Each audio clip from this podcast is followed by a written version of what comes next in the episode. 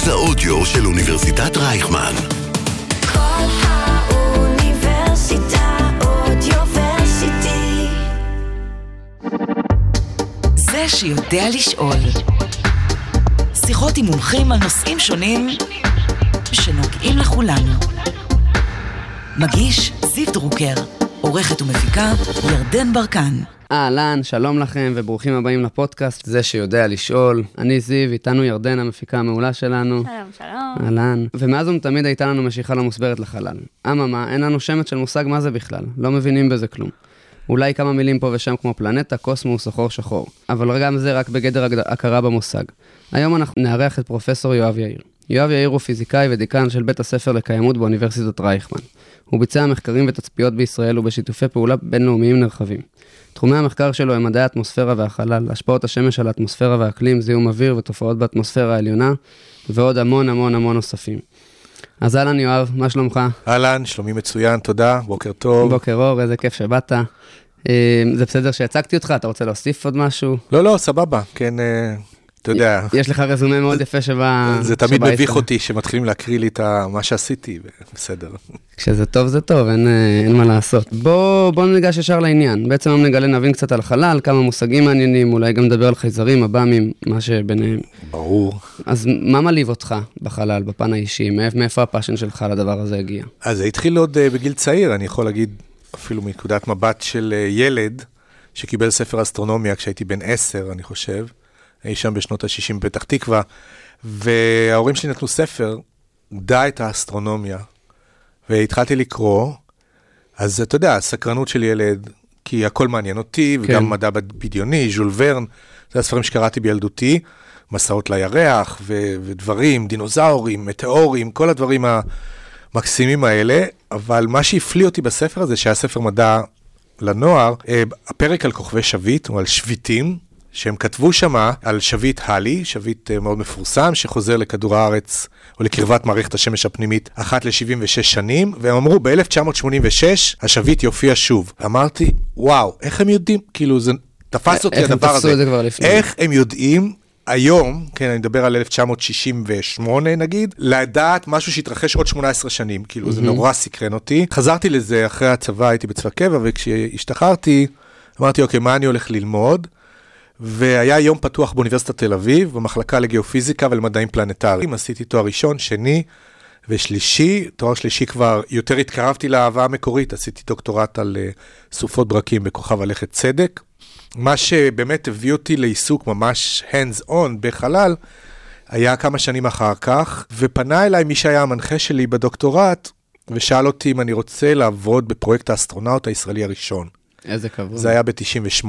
ואז uh, הלכתי ונכנסתי לפרויקט, וחמש שנים עבדתי בפרויקט של uh, הכנת הטיסה של אילן רמון, זיכרונו לברכה, וזה מצחיק, כי אני עכשיו באתי אליכם, כשבמשרד עוד הספקתי לעשות הבוקר הגעה על טיוטה של הניסוי הבא שאני הולך לעשות בחלל.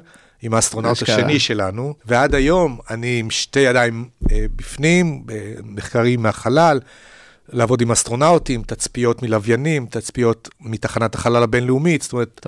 זה, זה באמת הדבר שמלהיב אותי, אם שאלת. כן, לא, אז- זה, אז נשמע, זה נשמע עם הרבה התלהבות, אתה גם מספר את זה עם הרבה התלהבות, זה בכלל רואים את זה, זה, תודה, זה כן, כיף תודה, ויפה. כי זה באמת uh, מלהיב.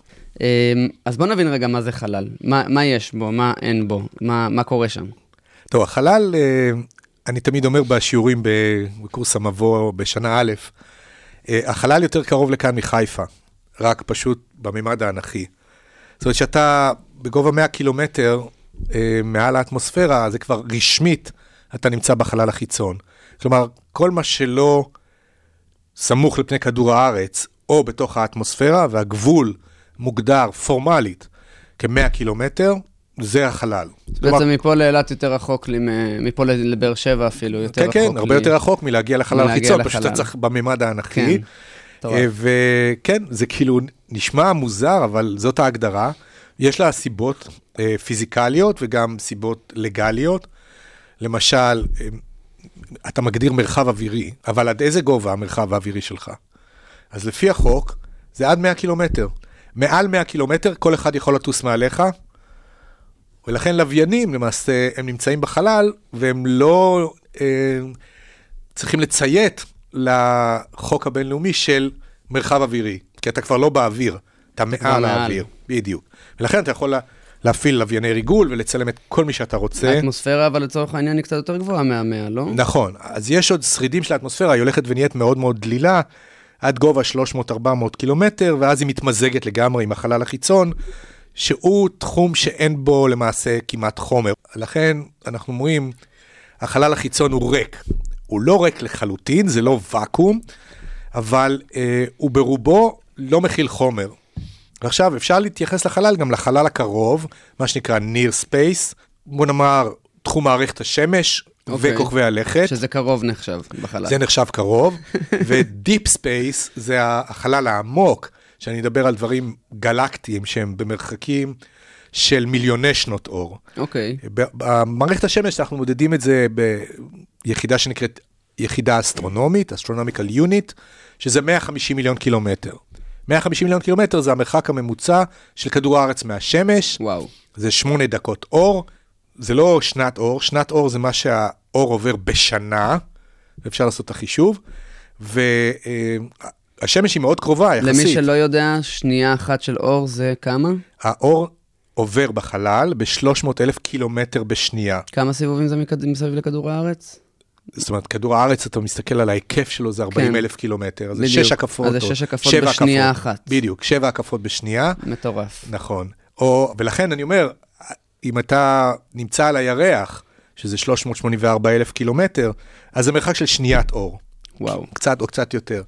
לכן אגב, כל הסרטי מדע בדיוני שמראים תקשורת זמן אמת בין אסטרונאוטים ל mission control, שה mission control הוא ביוסטון, או לא זה משנה לא- איפה, והאסטרונאוטים נמצאים במאדים, או בשבתאי, או whatever, והם כאילו מדברים באותו זמן, זה לא נכון. בדיוק. לאור, או לתשדורת אלקטרומגנטית במקרה הזה, לוקח זמן לעבור, וכל חללית שתנחת במאדים, זה לוקח זמן לתקשר איתה, וגם אסטרונאוטים שיוצאים רחוק מכדור הארץ, זה ייקח זמן לדבר איתם. אגב, אלה שבתחנת החלל, זה באמת זמן אמת. אה, כן. הם רק כי זה 400, יחס- 410 יחסית קילומטר לא- מכאן. וואו, זה מעלה לי מלא שאלות. אוקיי, רגע. אמ, אז אמרת בעצם, גם למדת את זה מקודם, פיזיקה ואסטרונומיה חולקים מושגים אה, וחוקים נורא דומים. אה, מצד שני, אני בא ושואל, יש בחלל המון חוקי פיזיקה שלא לא עובדים. לצורך העניין משיכה, לצורך העניין... אה, לא, זה עובד, בוודאי. כל חוקי הפיזיקה עובדים, רק אה, בווריאציות אחרות. כלומר, אומרת, חוקי פיזיקה כן קיימים בחלל פשוט בצורות בוודאי, אחרות. זה, אוקיי. זה אחת הגישות הבסיסיות שלנו בהבנתנו את היקום. אנחנו מניחים מה שנקרא אחידות בזמן ובמרחב של כל חוקי הפיזיקה. למשל, חוקי השימור. מה זה אומר חוקי השימור? ש, שחומר לא נוצר מעצמו. כל נכון. החוקים הללו במערכות הפיזיקליות שאנחנו מכירים בכדור הארץ, קיימים בכל מקום ביקום, וככה אנחנו מסוגלים להבין את מה שאנחנו רואים, כן? אז בעצם כן יש איזושהי משיכה בחלל, ברור, אבל ברור. היא לא אגב, ברמת מה כוח שיש פה. המשיכה קיים, רק שאתה מפליג הרחק מכוח המשיכה של כדור הארץ, ואין שום עצם חומרי לידך, אז אתה נמצא בחוסר כבידה. הבנתי. אבל הכבידה עדיין קיימת, כן. פשוט אה, אין גוף שיפעיל עליך את כוח. המשיכה. אגב, אסטרונאוטים במסלול הקפה סביב כדור הארץ, כוח המשיכה של כדור הארץ מאוזן על ידי הכוח הצנטריפוג... הצנטריפוגלי, שרוצה לזרוק אותם החוצה מהמסלול. ואז שני הכוחות מבטלים זה את זה, ולכן הם אז הם בעצם כאילו כביכול, נשארים ממש על התפר הם בין... בנפילה חופשית. הם בנפילה חופשית. זה... יש אגב מתקנים בפארקי שעשועים, שאתה עולה על אה, מנוף כזה ואז נופל. נכון. כן? אז אתה חווה לחצי שנייה. את ההרגשה הזאת. תחת, הז- כן, חוסר... אז כל חוקי הפיזיקה עובדים, ולכן אנחנו יכולים להבין הרבה מאוד מהדברים שאנחנו מסתכלים עליהם בטלסקופים ובחלליות, ולעשות השלכה ממה שאנחנו יודעים בכדור הארץ, במעבדות שלנו, ובניסויים שעשינו כאן, ותצפיות מפה, על מה שמתרחש במקומות אחרים. זהו, זה בא- ככה מריץ אותי כבר לשאלה הבאה שעלתה לי. אמ, אנחנו מדברים על מרחקים שאי אפשר לתפוס בעצם המחשבה. אנחנו מדברים על שנת אור, כששניית אור אחת זה ארבע סיבובים של כדור הארץ. אנחנו מסתכלים לעבר, איך אנחנו חוקרים את זה, זה, זה מלא לי מלא שאלות, כאילו, איך, מה, מה אתה נכון. עושה עם זה? אז כן, אתה באמת מסתכל רחוק ואתה מסתכל לזמנים קדומים. בגלל שלאור לוקח הרבה מאוד זמן לעבור את המרחקים העצומים שבחלל, אז כשאתה מסתכל על עצמים רחוקים, למעשה אתה רואה אותם כמו שהם היו בעבר, כשהאור יצא מהם. אנחנו אפילו את שקיעת השמש רואים בדיליי של שמונה דקות. זאת אומרת, שאתה, נגיד, עומד על חוף הים אוקיי, בהרצליה, אף פעם לא חשבתי על זה באמת. אז תסתכל, אתה עומד על היום אחר הצהריים, ואתה מסתכל מערבה ורואה את כדור השמש ככה לאט לאט יורד, למעשה זה כמובן תנועה מדומה של השמש, כי מה שקורה זה שכדור הארץ מסתובב אז האופק עולה, נכון. אבל זה נורא קשה לנו לעשות את הטרנספורמציה. הזאת, אתה חווה, שזה לא השמש יורדת אלא האופק עולה, אבל נניח מטורף. לזה רגע, המידע על היעלמות השמש מאחורי האופק הוא בין שמונה דקות. זאת אומרת, עד שהאור מה-150 מיליון קילומטר הגיע אלינו, האירוע כבר נגמר. כן, בתכלס זה כבר קרה. תכלס זה כבר קרה לפני שמונה דקות.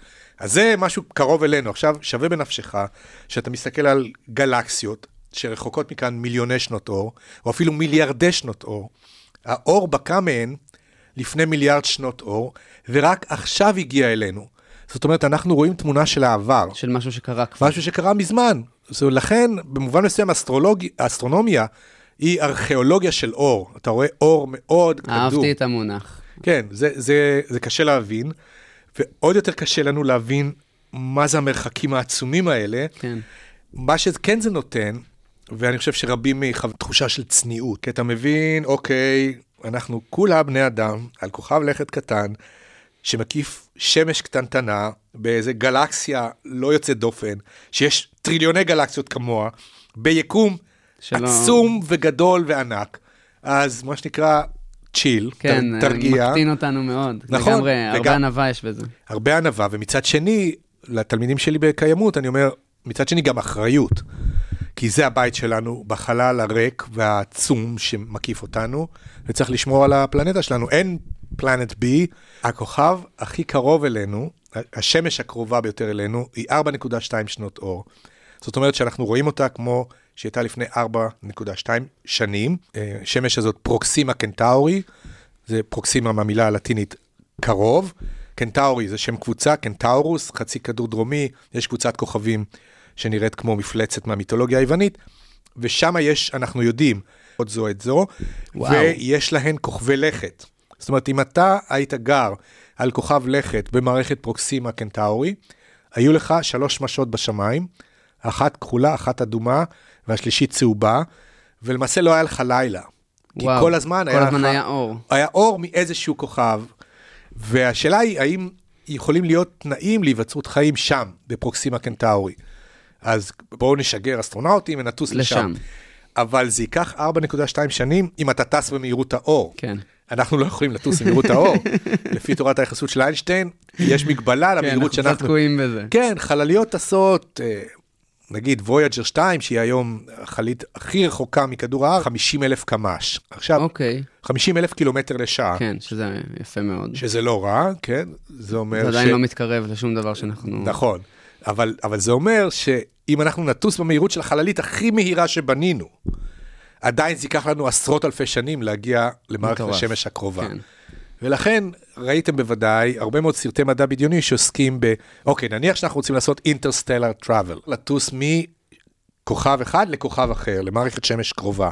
ואגב, אנחנו כבר יודעים על 6,000 מערכות שמש קרובות.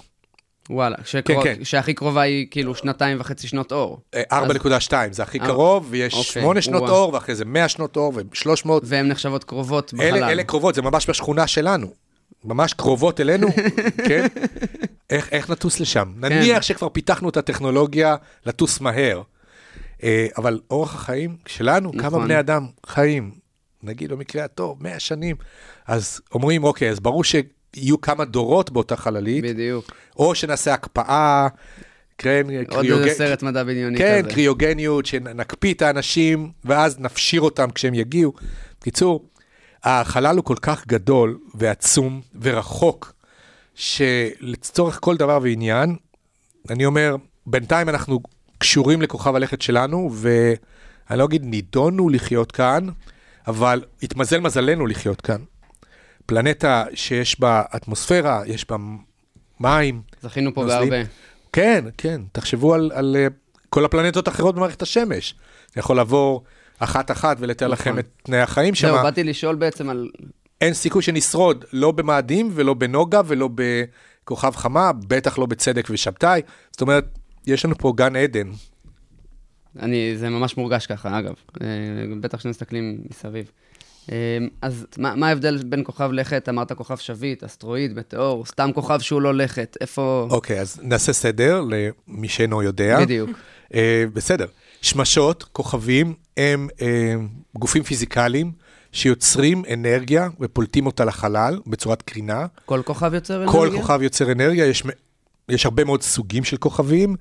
Uh, התהליך שבו כוכבים יוצרים אנרגיה נקרא היתוך מימן.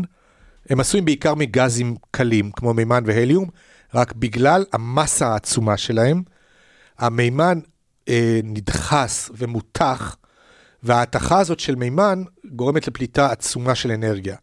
ובעבר, כאילו, מהו המקור לאור של הכוכבים? איך כוכבים יוצרים אור? אז בסוף המאה ה-19 מישהו עשה חישוב ואמר, אם נניח שהשמש הייתה עשויה פחם, והפחם היה נשרף, כאילו בעירה נגיד, נכון. כמה שנים עצם בגודל כדור פחם כזה ענק היה בוער, והם השוו את זה למה שהם ידעו על, או הניחו על גיל כדור הארץ, אמרו, לא יכול להיות שזה עשוי מפחם ושהתהליך הוא בעירה רגילה.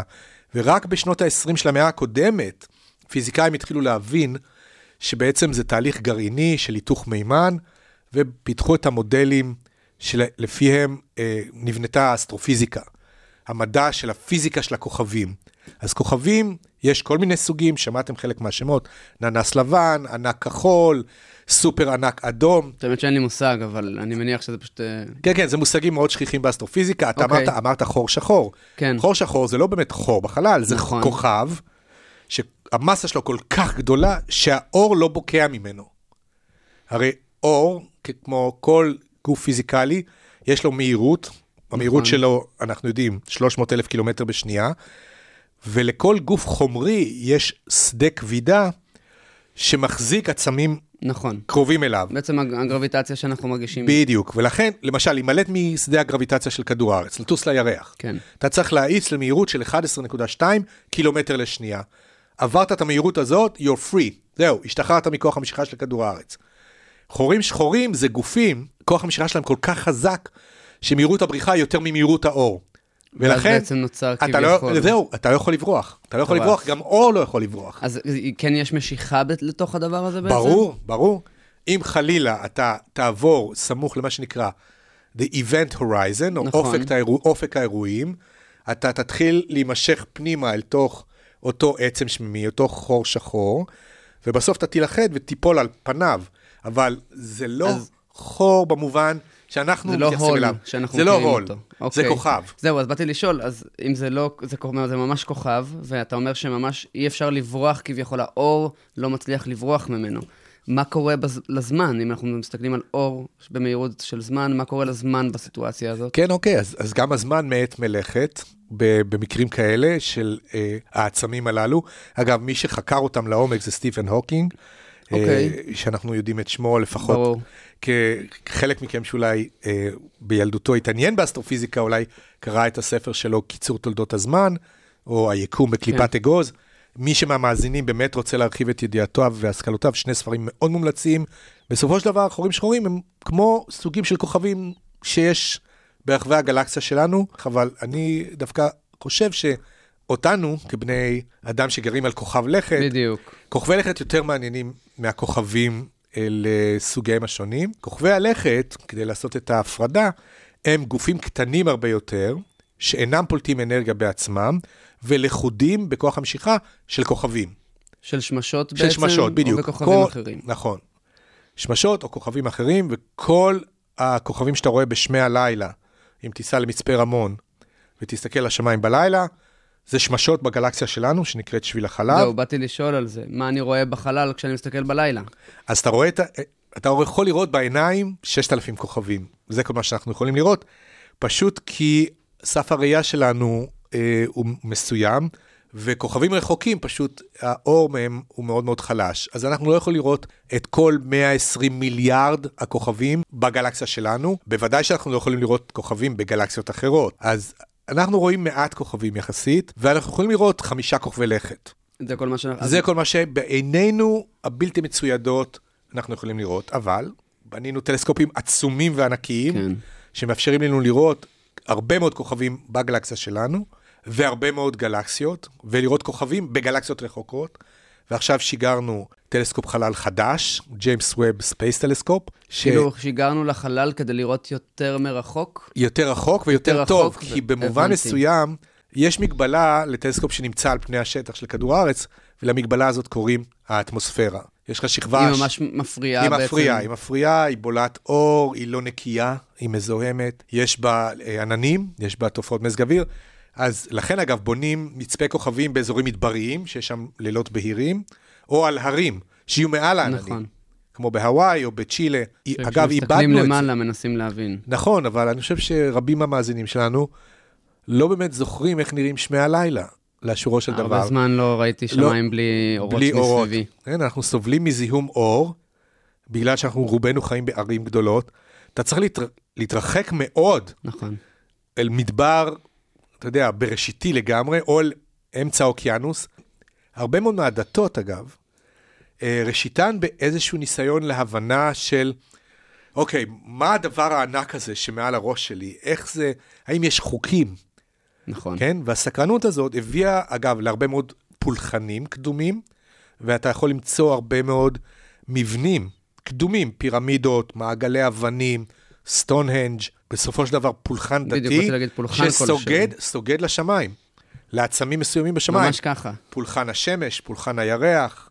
אה, תראה את המיתולוגיות, אלת הירח, אלת השמש, כולם אה, מבינים, גם אם הם לא רואים בצורה ישירה בעצמם, אתה יודע, את השמיים, אבל הם זוכים לראות ולקרוא, ובטח בעידן הטכנולוגי שלנו, אתה היום יכול לראות תמונה שצומה במאדים לפני שעתיים, והיא תהיה אצלך בתור שומע מסך.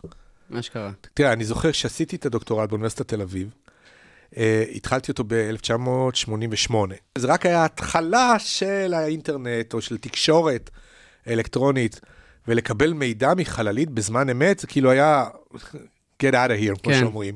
אין מצב שאני אקבל תמונה בזמן אמת מאיזשהו אובייקט במערכת השמש. אז חוץ מהזמן שלוקח לתמונה לעבור, אתה יכול לקבל היום תמונה שצילם טלסקופ החלל האבל, של איזושהי גלקסיה רחוקה מכאן מיליארד שנות אור, והוא נמצא בגובה 440 קילומטר, 450, והתמונה תהיה אצלך תוך שעה. וואו. הוא צילם את האובייקט הזה, זה עבר לנאסא, כן. נאסא עשו את הפענוח, העלו את זה לאתר שלהם. יש את האתר של, אה, של האבל space telescope. אגב, וואו. אני ממליץ למאזינים.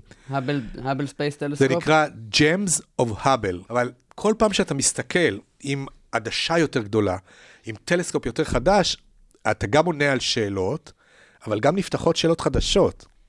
כי אתה רואה דברים שלא ציפית להם, אוקיי. זה תמיד ככה. כאילו סוג של תגליות של לא הרבה לא מאוד ידעת. תגליות, הרבה מאוד תגליות והרבה מאוד דברים מוזרים שאתה אומר, וואו, כזה עוד לא ראינו, מה זה הדבר הזה? זהו, בא לי, בא לי להמשיך את השאלה ולשאול, אז מה חקר החלל בעצם מצביע לנו על החיים היום? מה, איך, איך ההשפעה של מה שקורה פה משפיעה על החלל, ואיך החלל משפיע עלינו? אה, ש- שאלה מצוינת, כפולה. אני אגיד קודם כל, איך החלל משפיע עלינו.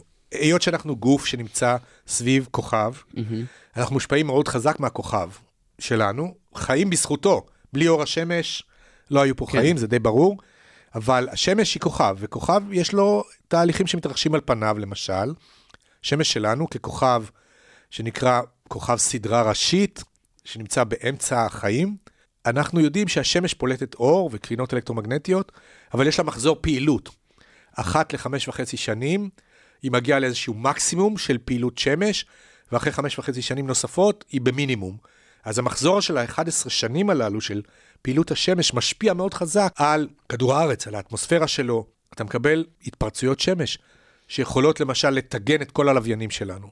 וואו. או לפגוע ברשתות חשמל.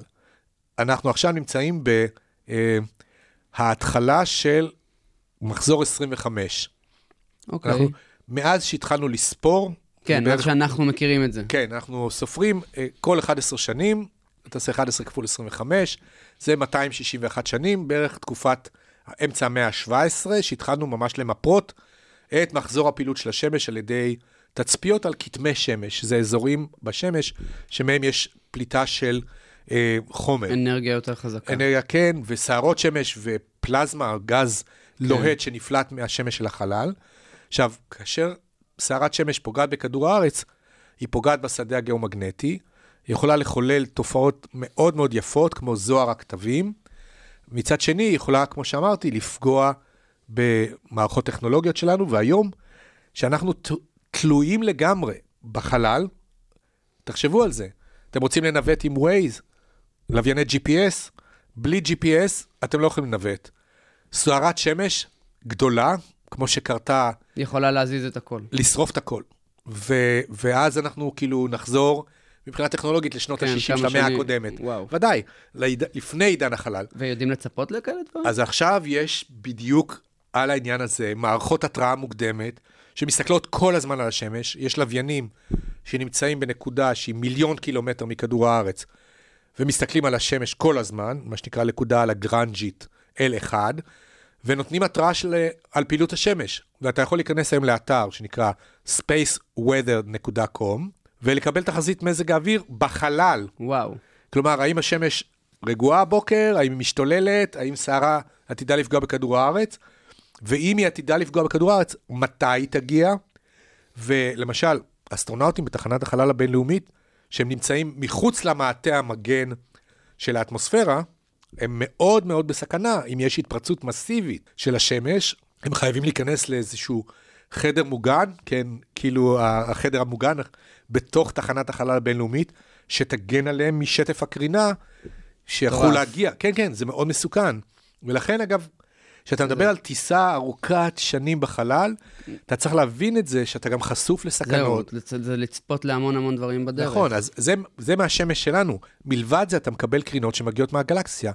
אנחנו כל הזמן, גם ברגע זה שאנחנו יושבים פה באולפן, מופצצים בחלקיקים אנרגטיים שמגיעים מהחלל החיצון, מה שאנחנו קוראים קרינה קוסמית או קרינת חלקיקים, שזה גרעינים של אה, אטומים שונים, שאולי הם שרידים של איזה פיצוץ של כוכב, סופרנובה, או, או נפלטו מאיזה שמש שהתפוצצה, והם עוברים לנו. פשוט כמו שזה, ופוגעים כאילו. באטמוספירה ומחוללים תהליכים כימיים ופיזיקליים באטמוספירה.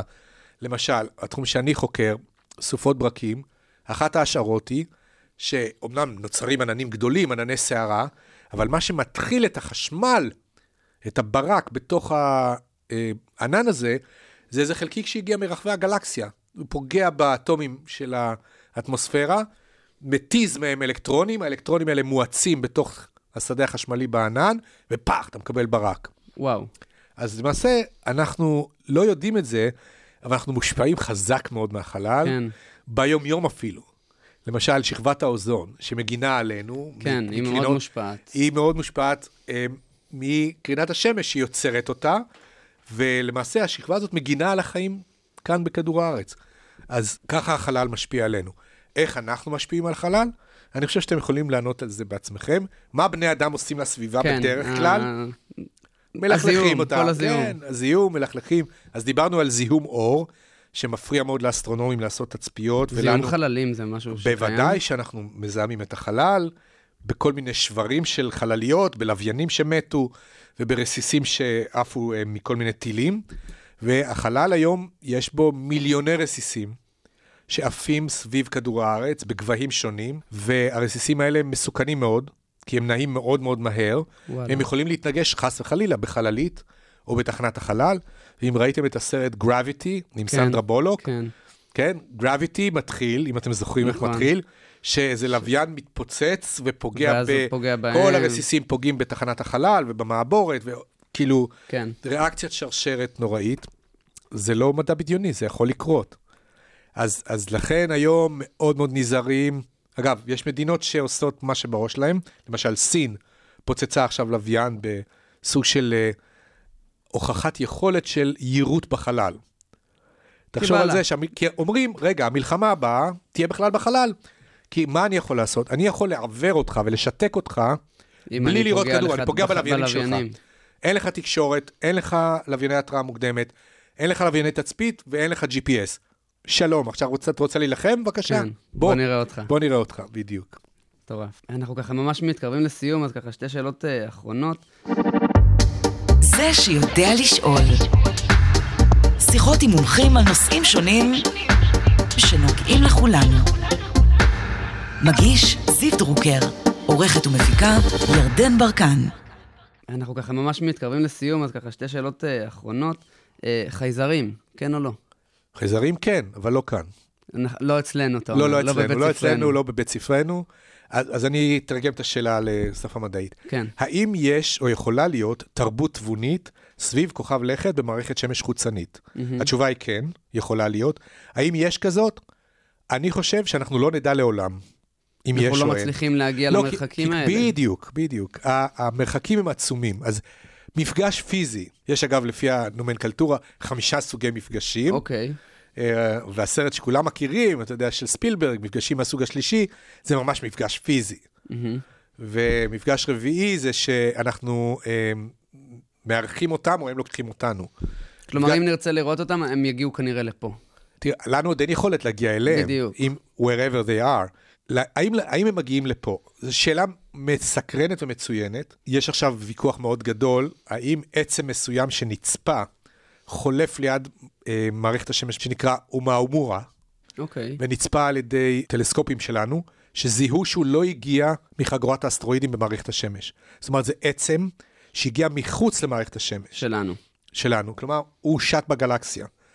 האם מישהו בנה אותו ושיגר אותו כמין סייר בין, אה, כן, ש- בין בין. הכוכבים, interstellar כזה? יש פרופסור בה- בהרווארד, שהוא ישראלי לשעבר, אבי לייב, שטוען שכן, שלמעשה אפשר, או קשה לשלול את ההנחה, שאומואמואה הוא בעצם איזשהו אה, ארטיפקט, תוצר, חללית גדולה, שנבנתה כדי לסייר ברחבי הגלקסיה ולשדר אחורה את הממצאים. כן.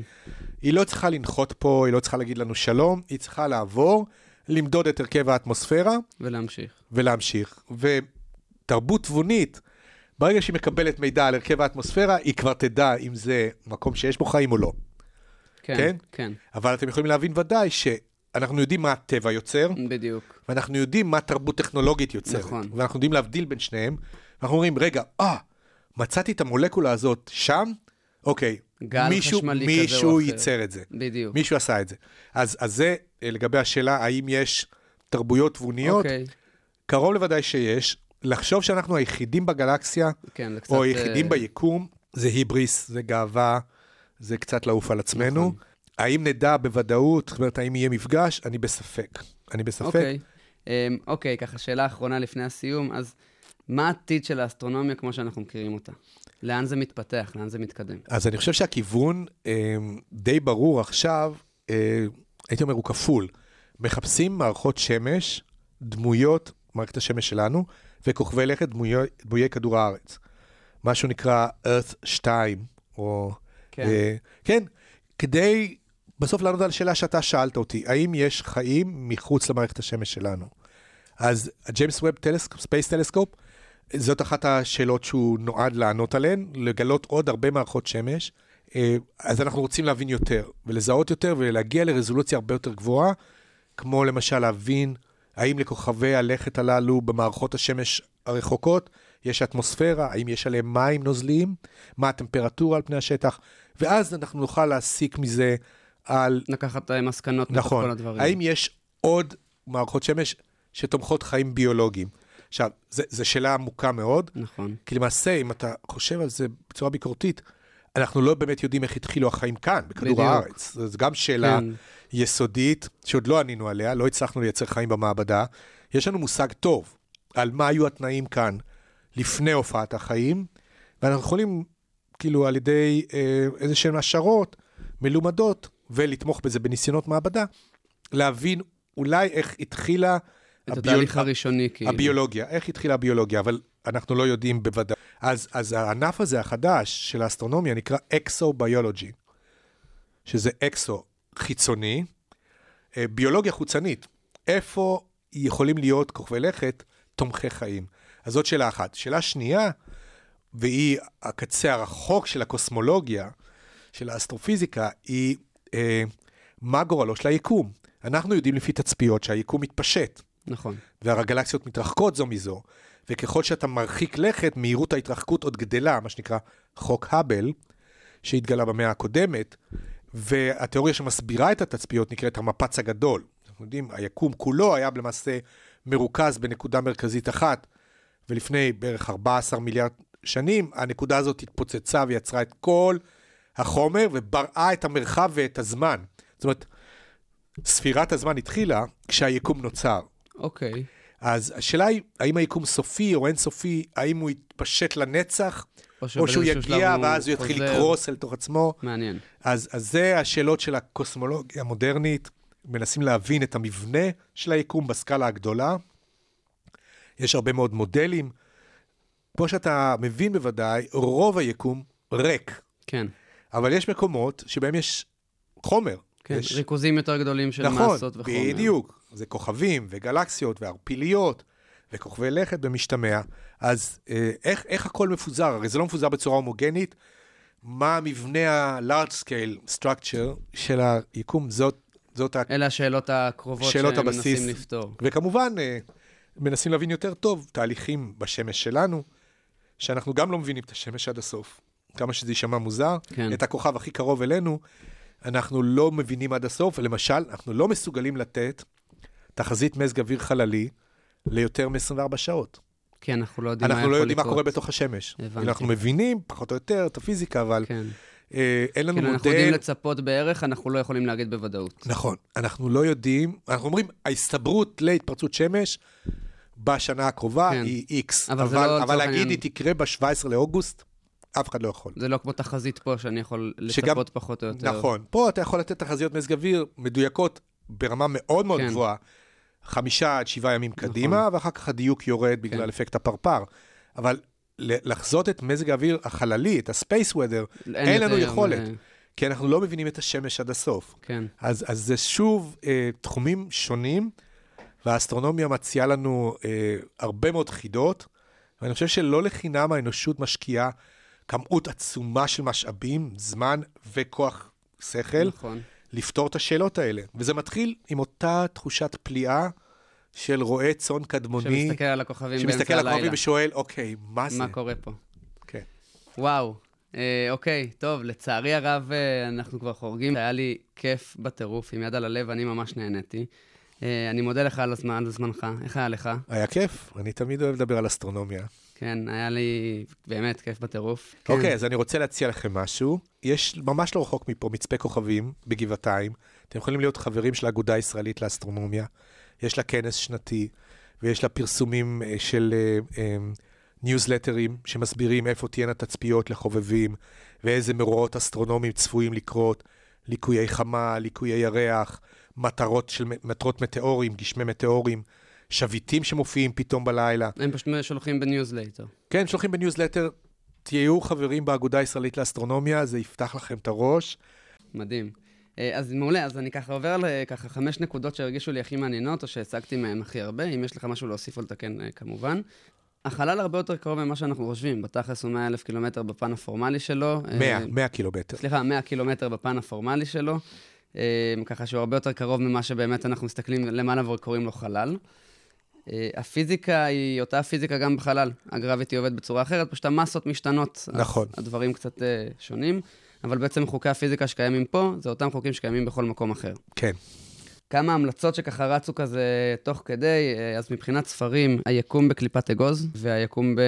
אה, וקיצור תולדות הזמן של אה, סטיבן נכון, הוקינג. כן. מעולה. דמנשן, אם מישהו לא ראה, לראות, אם יש לך עוד איזה סרט... אה, יש מלא. כן, אבל אתה יודע, אני לא- את הכי טובים שאתה מבחינתך מכריז עליהם. אחת- תראה, הסרט שאני הכי אוהב, לדעתי, זה 2001 אודיסאה בחלל. אוקיי, מ-1968 של סטנלי קובריק, והוא הניח את השפה החזותית הקולנועית לכל סרטי המדע הבדיוני שאנחנו רואים היום. ממליץ לכם לראות. זה סרט עמוק, פילוסופי, על מקומו של האדם בחלל, עונה על השאלות האלה, או מנסה כן. לענות, או דן בהן, ואני חושב שזה הסרט שאני הייתי ממליץ עליו. אני מאוד אוהב את סטאר וורס, את הטרילוגיה הראשונה, אני אוהב את השלושת הראשונים, וסטאר טרק, שזה כן. שתי סדרות נכון. שונות, או סוגים שונים של אה, סרטי מדע בדיוני, אבל באמת אה, פותחים אה, את הראש. אחד הסרטים האחרונים שאהבתי על מפגש עם תרבות חוצנית נקרא Arrival. ראיתי את זה. אם ראית, מאוד ה- מעניין, הצורה שבה נכון? מנסים לדבר איתנו התקשורת, כביכול. התקשורת, כן, כן, אתם, אנחנו פה בבית ספר לתקשורת של אוניברסיטת רייכמן, כן. איך אנחנו מתקשרים עם תרבות תבונית, אם היא תגיע, אם יהיה נכון. מפגש, מה אנחנו שאלה עמוקה לעשות. ויסודית. אז הסרט הזה עוסק בשאלה, מאוד מאוד יפה, מאוד מאוד מעניין, מומלץ מאוד לצפייה, ויש הרבה הרבה סרטים שאני אוהב, אינטרסטלר, אוקיי. מצוין. מדהים. כן, אה, Don't get me started, כי אני לא בדיוק. אני לא אז אני. גם אוסיף רק את האתר שקראת לו Gems of Hubble, שווה להסתכל לראות על תמונות. לגמרי. אה, ואת המצפה כוכבים בגבעתיים, אם מישהו פה גר אה, באזור, שווה כנראה לקפוץ. כנ"ל גם לגבי האגודה הישראלית לאסטרונומיה, בהחלט. ניוזלטר שכנראה מאוד מעניין. שתי נקודות אחרונות זה כזה, לכולנו יש זיקה מאז ומתמיד לחלל, כלומר זה לא רק מי שיושב פה באולפן, זה באמת כל מי שאנחנו מכירים. אה, והעובדות הקטנות לזה זה פולחנים עוד מימים ימימה, שכל מה שמנסים זה לסגוד כנראה לכוכבים בצורה כזאת או אחרת. ונקודה אחרונה, אמרנו את זה כזה בין השורות, גם התחלת עם זה באיזשהו משפט נורא יפה בתחילת הפודקאסט. נכון להיום אין לנו כוכב אחר ללכת להיות בו. אנחנו גם לא מצליחים להגיע לשום מקום אה, קרוב, או מוצאים איזשהו סימנים דומים. ובוא נשמור עליו. צריך לשמור עליו. בדיוק, בצורה הכי טובה שלו. אה, וזהו, תודה רבה, לכ... תודה רבה לכם, מאזינים, אני מקווה שגם אתם למדתם כמונו. אה, ויואב, תודה רבה לך, בשמחה, בכיף. איזה כיף היה לנו. אה, יאללה, אנחנו נתראה בפרק הבא, להתראות. נהדר, להתראות. זה שיודע לשאול. שיחות עם מומחים על נושאים שונים שנוגעים לכולנו. מגיש זיו דרוקר, עורכת ומפיקה ירדן ברקן.